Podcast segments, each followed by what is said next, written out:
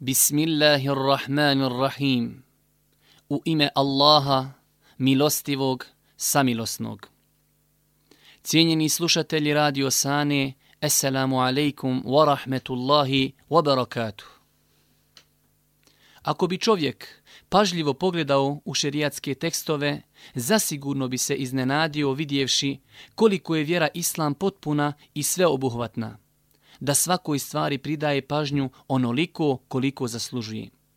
Mnogo je ljudi, a naročito u današnjem vremenu, koji imaju pogrešna ubjeđenja i vizije o vjeri islamu. Faktori koji su prouzrokovali ta neispravna ubjeđenja su mnogobrojni. Nerijetko je neznanje i nepoznavanje principa i načela vjere, faktor koji čini da ljudi imaju pogrešna ubjeđenja o vjeri islamu. Nekada su pogrešna interpretacija islama od strane muslimana i nemar u pojašnjavanju i dostavljanju originalne vjere ljudima bili razlogom da su mnogi zamrzili islam ili da u najmanju ruku o njemu imaju mnoge predrasude.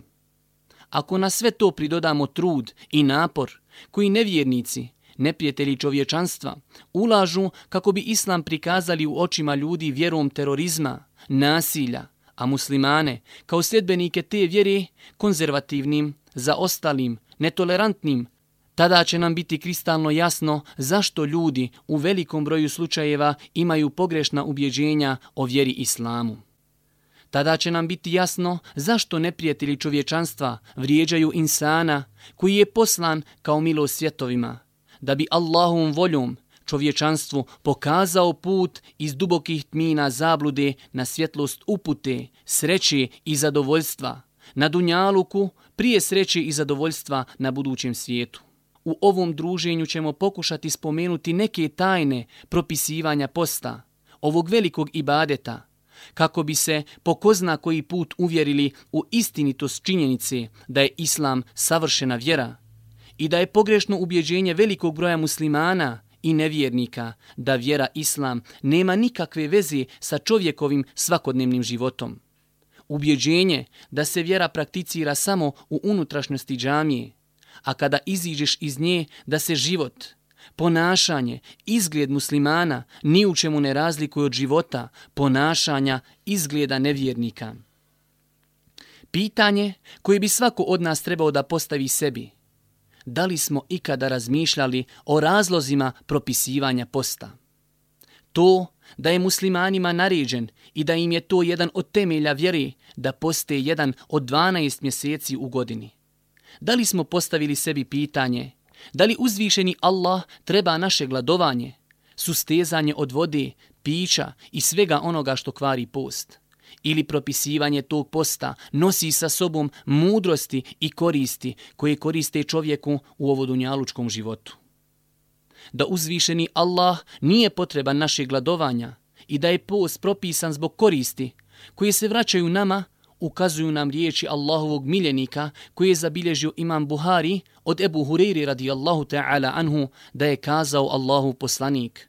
Ko ne ostavi laž i rad po njoj, niti vrijeđanje drugih, Allahu nije potrebno njegovo ostavljanje hrane i pića.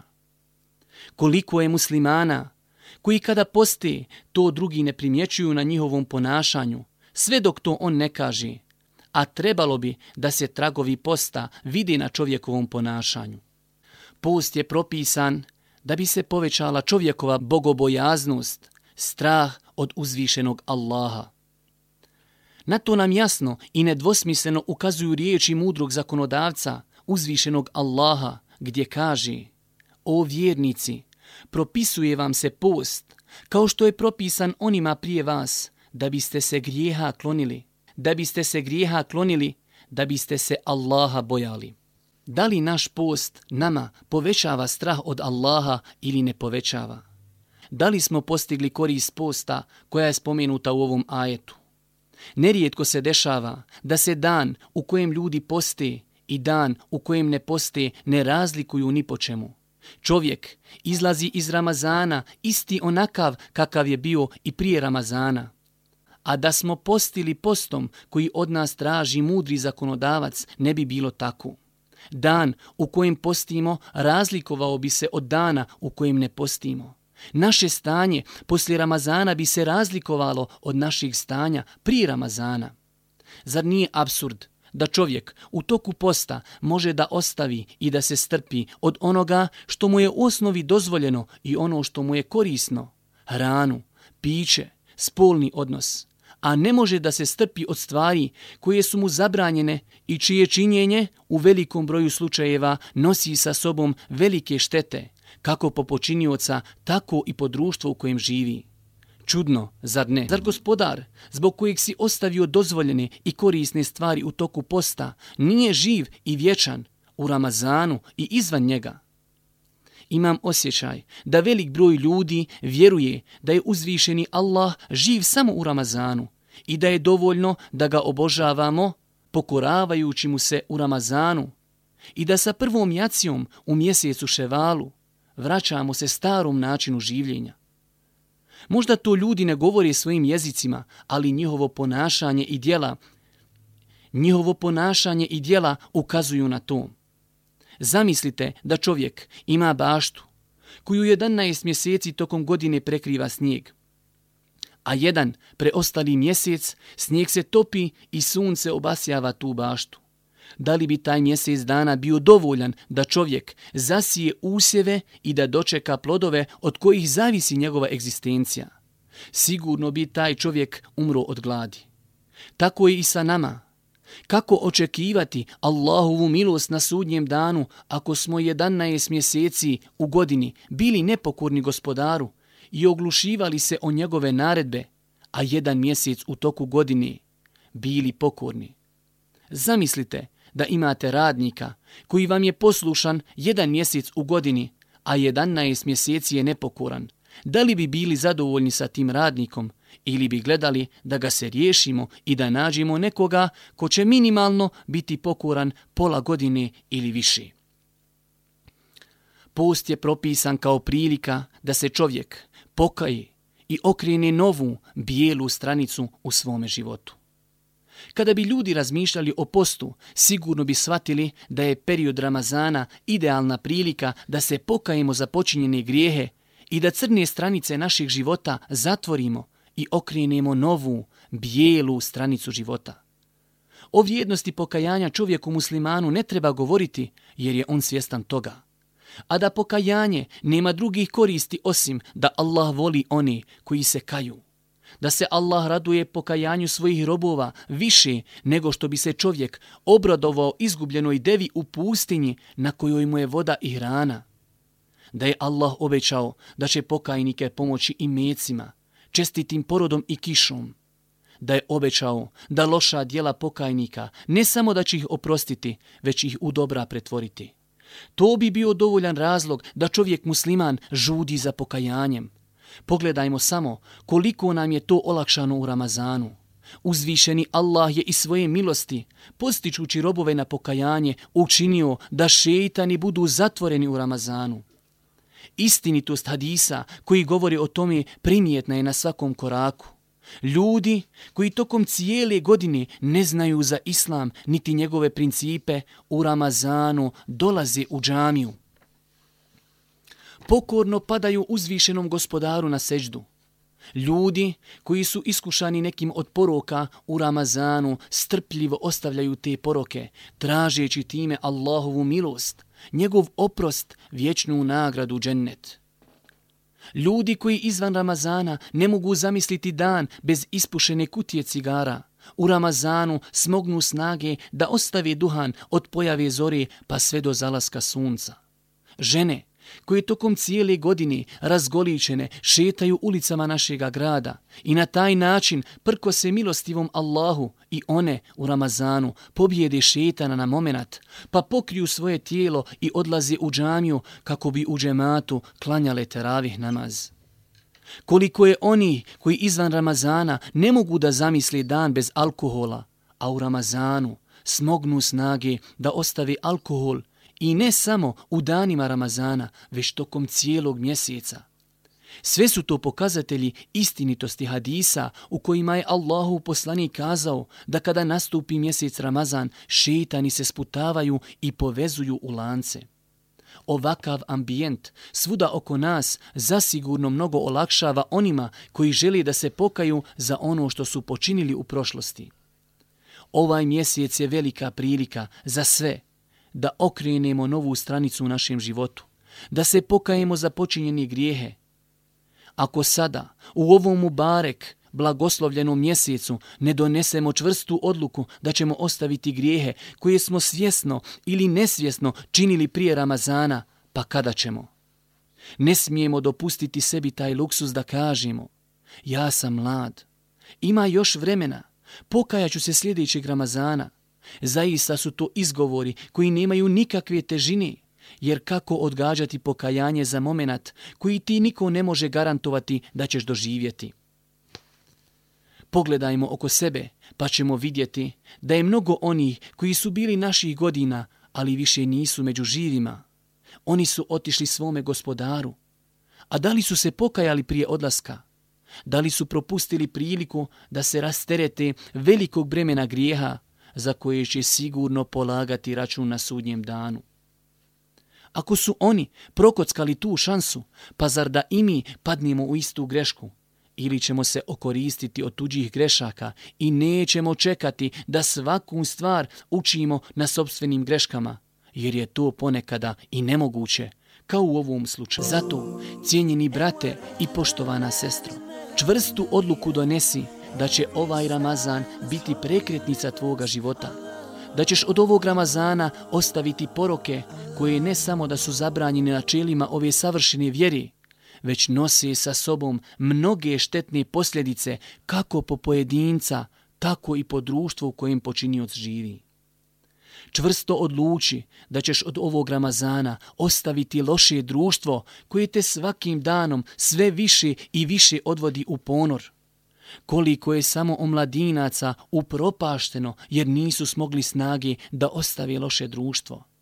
Omladinci koji su više nego ikada potrebni ovom napačenom društvu.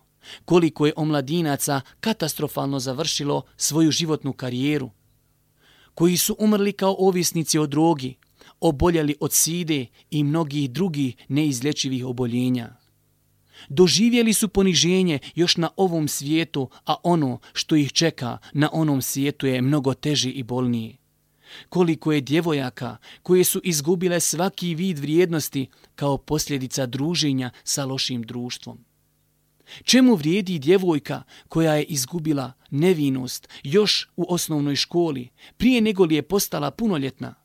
Čemu vrijedi djevojka koja je zatrudnila prije braka i zbog toga se morala udati ili očistiti kako bi se sačuvala od ovodunjalučke sramote? Zar da takve žene odgajaju buduće generacije? Zar će takve žene biti vjerne svome mužu? A vrijedi li živjeti u braku u kojem muž nije siguran da ga njegova supruga ne vara s nekim s kime je imala vezu još prije braka? Ovo su samo neke posljedice druženja sa lošim društvom. A kada bismo htjeli da spomenimo sve negativne posljedice druženja sa lošim društvom, trebalo bi nam mnogo vremena. Zato, ponavljam, cijenjeni brate i poštovana sestro, čvrstu odluku donesi da ćeš od ovog Ramazana ostaviti loše društvo i ono čemu oni pozivaju. Ne dozvoli sebi da budeš od onih koji će kazati kada dođu na sudnji dan.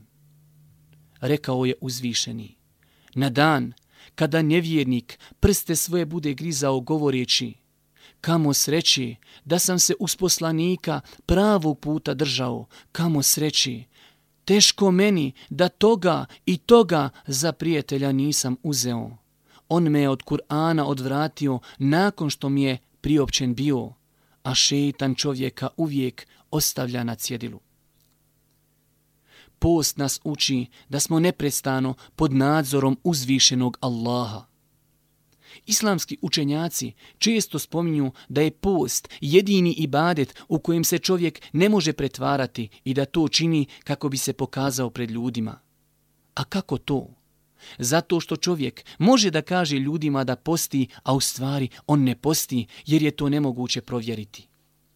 Ko čovjeka vidi kada je sam u kući, kada zaključa kućna vrata i navuče zastore na prozore – Postač, iako zna da ga u tom momentu niko ne vidi, samo iz straha od Allaha ne poseže za onim što kvari post.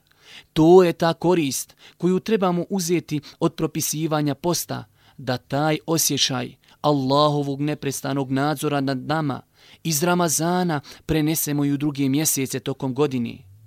Kada htjednemo da učinimo ono što nam je uzvišeni zabranio, da se sjetimo njegovog neprestanog nadzora nad nama, da to ostavimo kao što smo u Ramazanu ostavili jelo i piće koje je u osnovi izvan Ramazana dozvoljeno i druge stvari koje kvari post. Žena, kada htjedni izići iz kuće nepropisno obučena, da se sjeti da je neprestano pod nadzorom uzvišenog, da je neprestano pod nadzorom onoga zbog kojeg je ostavljala jelo i piće u Ramazanu u momentu kada je niko nije vidio. Mladić koji sjedi u parku sa djevojkom i nagovara je na razvrat da se sjeti da ga tog momenta vidi onaj zbog koga je ostavljao jelo i piće u momentima kada ga niko nije vidio. Zar nije absurd da čovjek u Ramazanu ostavlja ono što mu je izvan Ramazana dozvoljeno, hranu i piće, strahujući od Allaha, znajući da ga on neprestano vidi i čuje, a da nakon Ramazana ne osjeća njegov neprestani nadzor, onda kada čini stvari koje su zabranjene u Ramazanu i izvan njega. Pitanje koje se samo postavlja, da li smo o ovoj koristi posta u Ramazanu ikada razmišljali? Da li smo se čudili našoj naivnosti i kontradiktornosti? Post nas uči tome da ne gubimo nadu u popravljanje stanja u našem društvu. Društvu koje se odalo svim grijesima koji su im zabranjeni od strane mudrog zakonodavca. Stanje muslimana je sigurno više nego jadno u svakom pogledu, materijalnom, duhovnom, ekonomskom, političkom. Ali to ni u kom slučaju ne znači da se stanje ne može popraviti – Šta je to učinilo Arape, koji su bili jedan od najjadnijih naroda u vremenu u kojem se pojavio poslanik, da su postali vodiči svijeta u svakom pogledu, materijalnom, ekonomskom, duhovnom? Ništa drugo osim njihovo pridržavanje za načela i principe Islama. Mjesec Ramazan je idealna prilika i veliki pokazatelj da je moguće popraviti jedno stanje ummeta – Ljudi koji su tokom cijele godine kršili Allahove granice u svakom pogledu sa prvom noću Ramazana ostavljaju mnoge grijehe i mnoge loše navike. To nije samo slučaj sa muslimanima naših prostora, to je slučaj sa muslimanima cijeloga svijeta. Muslimani preko noći ostavljaju ono što im je uzvišeni zabranio i na taj način, za kratko, kreću putem kojim obećava uspjeh i sreću na Dunjaluku prije uspjeha i sreće na onom svijetu. Muslimani preko noći, od pojave zore pa do zalaska sunca, ostavljaju ono što će pokvariti post, pa makar to u osnovi bila dozvoljena stvar. Pa zar ne mogu da nastave tako tokom cijele godine, da žive životom pokornih Allahovih robova, koji se pokoravaju gospodaru tokom cijele godine, a ne samo u jednom mjesecu. Malo je oni koji će uzeti ovu korist od propisivanja posta, jer velik broj ljudi ne posti na način koji od njih traži Islam. Islam traži da čovjek posti, a da sa njime posti njegov jezik, njegove oči, njegove ruke, njegove noge da poste njegove oči od gledanja onoga što mu nije dozvoljeno, od gledanja u otkrivene žene bez razlike na ulici ili na televiziji. Suprotno tomi, da svoje oči postač uposti onim što će mu koristiti, kao što je učenje Kur'ana, čitanje korisne literaturi. Da posti njegov jezik od laži, ogovaranja, psovanja, vrijeđanja, Suprotno tomi da postač uposli svoj jezik u onome što će mu koristiti, kao što je spominjanje Allaha, učenje Kur'ana i mnoge druge korisnije stvari. Da poste sa njime njegove noge, da poste sa njime njegove ruke od bespravnog uzimanja i metka, od mita, od krađi i da pokuša da ih uposli u onome što će mu koristiti. Da sa njime poste njegove noge, od hodanja prema onome što nije dozvoljeno, da postoje od odlaska u kafanu, diskoteku i da ih uposli postač u onome što je dobro, kao što je odlazak u džamiju radi obavljanja namaza, obilazak poznanika i rodbini. Onaj ko bude postio na ovaj način, od njega je očekivati da i nakon Ramazana ostani na tomi, da to bude prvi korak u popravljanju jednog stanja muslimana. Jer nemoguće je da popravljamo stanje drugih ako sami sebe nismo popravili. Zato kažemo, ovaj mjesec je idealna prilika da se korači prvi korak ka popravljanju jednog stanja muslimana. Moramo biti svjesni da se od nas očekuje da koračimo prvi korak, a zatim da očekujemo pomoć od uzvišenog Allaha. Rekao je uzvišeni Allah. Allah neće izmijeniti jedan narod dok on sam sebe ne izmijeni. Ako mi koračimo prvi korak na tom putu, sigurno neće izostati pomoć uzvišenog i svemogućeg Allaha. Post nas uči lijepom moralu, lijepom ponašanju pa makar i kada budemo vrijeđani od strane drugih. Tu korišć također postići oni koji budu postili onako kako od njih traži Islam. A neće je postići oni koji poste tako što ostavljaju hranu i piće, ne mijenjajući ništa kod sebe u vremenu posta. Poslušajmo smjernice najboljeg insana koji je ikada kročio Allahovom zemljom, riječi Allahovog poslanika, koji je zabilježio imam Buhari od Ebu Hureyre, da je kazao Allahu poslanik, post je štit. Kada neko od vas posti, neka ostavi ružan i vulgaran govor, neka ne podiže svoj glas u obhođenju sa drugima, a ako ga neko bude vriježao ili napadao, neka kaže, ja postim. Kako su divne smjernice Allahog poslanika njegovim sljedbenicima, kako bi sretno živjeli kada bi ih se pridržavali. Kada bi čovjek uspio da sačuva svoj jezik tokom mjeseca Ramazana, sigurno bi to bio veliki korak u ostavljanju ružnih i vulgarnih riječi koje velik broj ljudi koristi u svakodnevnom životu. Do te mjere da su određene vulgarne uzrečice postale normalna pojava kod velikog broja ljudi. Ako bi čovjek zaista želio da vidi da li je to pohvalno, neka pogleda u javni nastupe političara ili drugih javnih ličnosti, pa će vidjeti da u svome govoru nikada ne koriste te izraze. A da je to ispravno i poželjno, oni bi to sigurno koristili. Također u prilog spomenutom ide i hadis kojeg smo spomenuli na početku druženja. Ko ne ostavi laž i rad po njoj, niti vriježanje drugih, Allahu nije potrebno njegovo ostavljanje hrane i pića.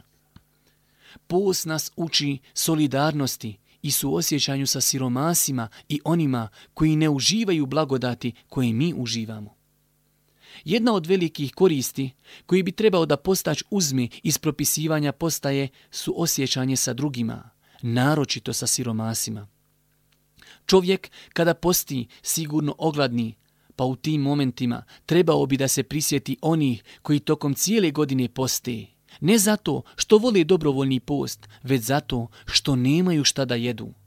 Mi živimo u postratnom periodu, kada je mnogo onih koji iz raznoraznih razloga ne mogu sebi da priušte osnove, osnovne potrebe za egzistenciju. Stoga je na onima kojima je Allah podario blagodati svoje i obskrbio ih pa posjeduju mnogo više od onoga što im je potrebno, da se suosjećaju sa braćom muslimanima koji ne mogu sebi priuštiti osnove egzistencije, da im pomognu i da im udijele onoliko koliko će im biti dovoljno. Ne bili na taj način zaslužili Allahovu milost. Allahov poslanik je kazao, smilujte se onima koji su na zemlji, ne bili vam se smilovao onaj koji je na nebesima. Čovjek ne zna gdje može da zasluži Allahovu milost. Zato je treba tražiti na svakom mjestu i na svaki dozvoljen način.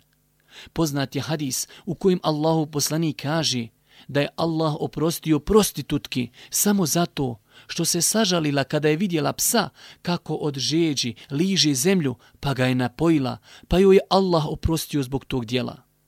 Ako je Allah oprostio prostitutki zato što se sažalila na stanje psa, Pa zar da se ne smiluje onome ko se smiluje na stanje insana?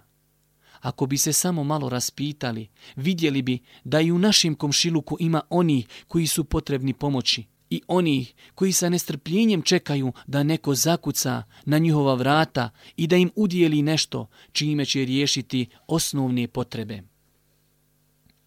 Post nas uči preciznosti i potpunoj predanosti uzvišenom Allahu u onome što nam se naređuje od principa ove plemenite i savršene vjeri.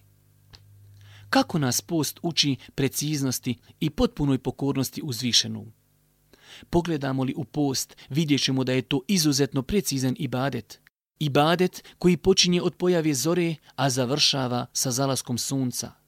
Tako, ako bi postač postio cijeli dan i samo nekoliko momenata prije zalaska sunca, svjesno, znajući da sunce nije zašlo, popio samo jednu kapljicu vode, njegov post bi bio pokvaren po jednoglasnom stavu islamskih učenjaka samo nekoliko momenata prije zalaska sunca, minuta ili dvije, samo kapljica vode i ništa više, zar nas to ne uči preciznosti i potpunoj predanosti uzvišenom Allahu? Trebali bi da tu preciznost koju prakticiramo u Ramazanu prenesemo u svakodnevni život izvan Ramazana tokom cijele godine, da kako god smo bili spremni u Ramazanu da tačno u minut započnemo post, isto tako tačno u minut da prekidamo post, željno iščekujući glas mu zina, želeći na taj način da iskažemo potpunu predanost stvoritelju zemlje i nebesa.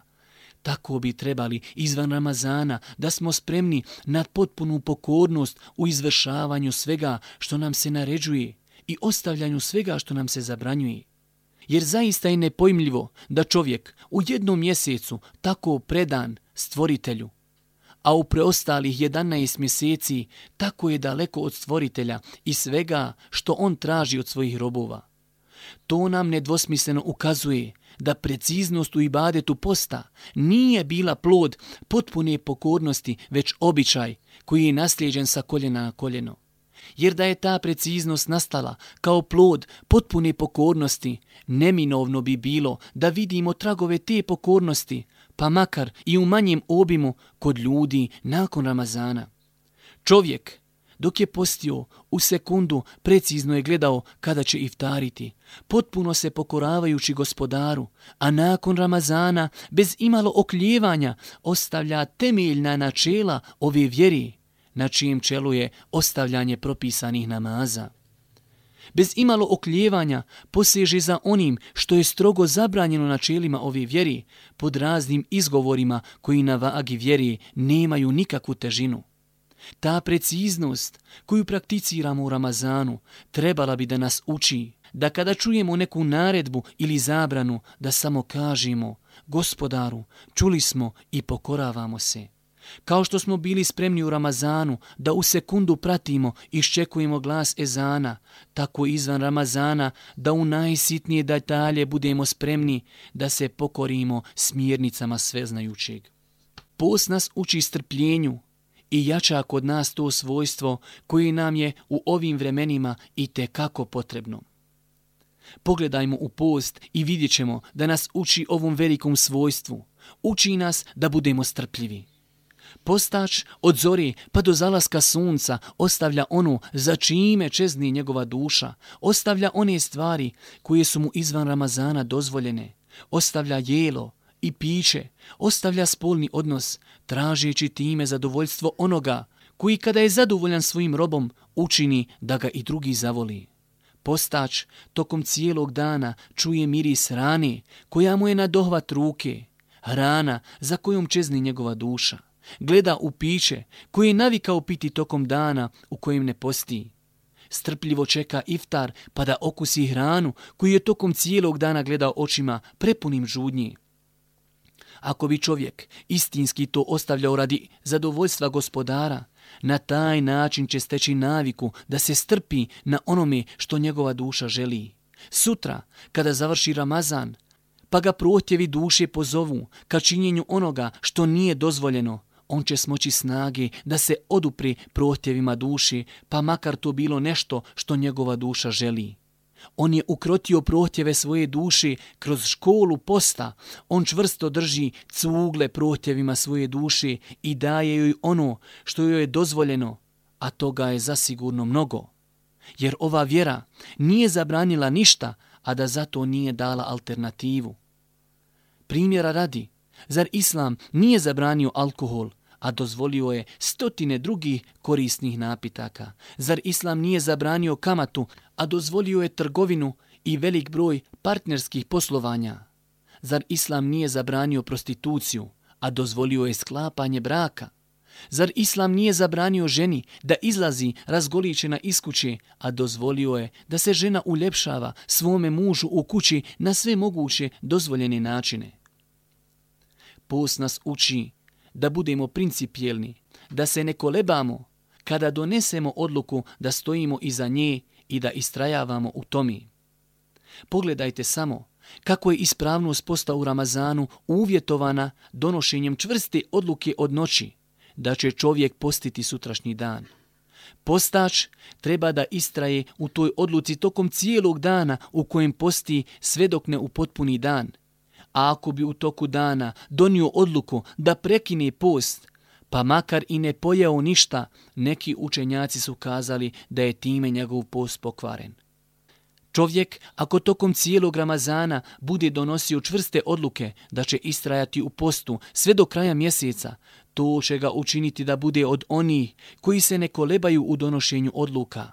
Ta navika, ta čvrstina, to nekolebanje nam je potrebno, kako u Ramazanu, tako i izvan njega, kada je u pitanju izgradnja čovjekove ličnosti – Potrebni su nam ljudi sa jakim odlukama koji kada kažu da neće činiti ono što im je zabranjeno ili da će ostaviti određeni porok koji je, koji je postao dio insana, da su čvrsti u svojoj odluci i da će ustrajati u tomi. Da kada kažu da ostavljaju loše i pokvareno društvo, koje ga vodi putem kojim nije zadovoljan gospodar, da istraje u tomi i da se ne koleba po tom pitanju kada ih sutra vidi kako u zabludi i grijesima provode svoj ovodunjalučki život, a za koji će precizne i stroge račune polagati na sudnjem danu. Cijenjeni slušatelji Radio Sani, to su neke od poruka posta koje bi trebali da uzmemo i da ih pretočimo u svakodnevni život. To je bilo sve što smo vam pripremili u ovoj emisiji do našeg narednog slušanja za 15 dana. Assalamu alaikum wa rahmetullahi wa barakatuh.